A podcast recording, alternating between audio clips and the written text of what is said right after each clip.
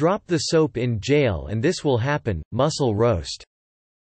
You might have a good idea about why people always joke around about dropping the soap and tell you don't drop the soap. You will hear it firsthand from an ex-inmate in the video below. I would assume that it's pretty easy to understand what dropping the soap means. Don't drop the soap. Basically, if you are in the shower in jail, and you drop the soap, you are leaving yourself exposed.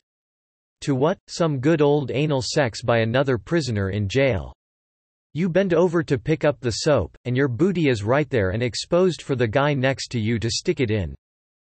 Now that can seem funny, and so is the video below of this guy talking about dropping the soap in prison. On the other hand, many do not find this funny at all. After all, we are talking about rape here. This kind of sucks because it sucks the life out of comedy, and everyone wants to be politically correct. Yes, there is a violence problem in prisons, and rape is one of them. But aren't things that are true funny in comedy? The answer is yes, and people are getting too damn sensitive about everything these days, especially about dropping the soap in jail. Either way, it sounds like you should try to stay out of prison. A remark made to someone being hauled off to jail, particularly someone you dislike. Once in jail, you imply that if the person drops a bar of soap in the shower, they will be forced to bend over and retrieve it.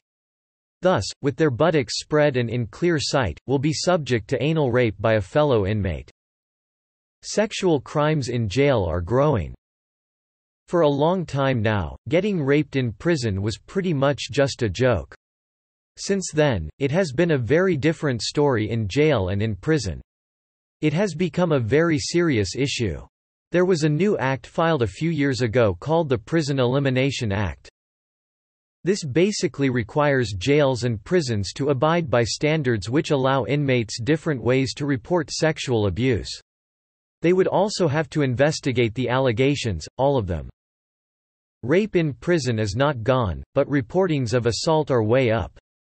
Prison officials believe that sexual assaults in jail are not necessarily going up. They believe that sexual crimes are just being reported more often now, and prisoners are starting to trust the system more. If you know anything about being locked up, you know that snitching is forbidden and has severe consequences.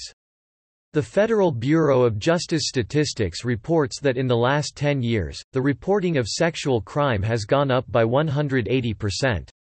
Today it stands at about 25,000 allegations per year. Although the reports have skyrocketed, after investigations, it only shows a small increase in the crimes that actually happened. What does this tell you about going to jail? For starters, this is only one of the reasons you want to stay the hell away from jail. There is nothing good that will possibly happen to you if you get locked up. As you know, people that are doing life in prison, or a lot of years, do not plan on seeing a woman for decades, and some never. I have listened to interviews of prisoners talk about how a man's anus, looks no different than a female vagina to them. If that is not scary to you, I don't know what is. I have also heard a former Division I football player describe in detail, what it's like to get raped in prison. If a football player can't defend himself from rape, your chances are low. Example of a real-life prison case. There have been many cases, but I will tell you about a guy will not mention name and his experience. This man went to prison for two years, for killing a woman while drunk driving. Once he was incarcerated for his crime, he described in detail how he got raped and what his experience was like. First he says you scream for the guards, and of course nobody comes. Then he says you ask for help from other inmates, and of course, nobody helps. He then said you just start praying to God. This is obviously a horrific crime, but you also have to understand where you are. You are locked in a cage with people who are not able to function in society like the rest of the world. They are criminals. You can be the toughest guy in the world, but I guarantee you, you will be helpless when something like this happens to you.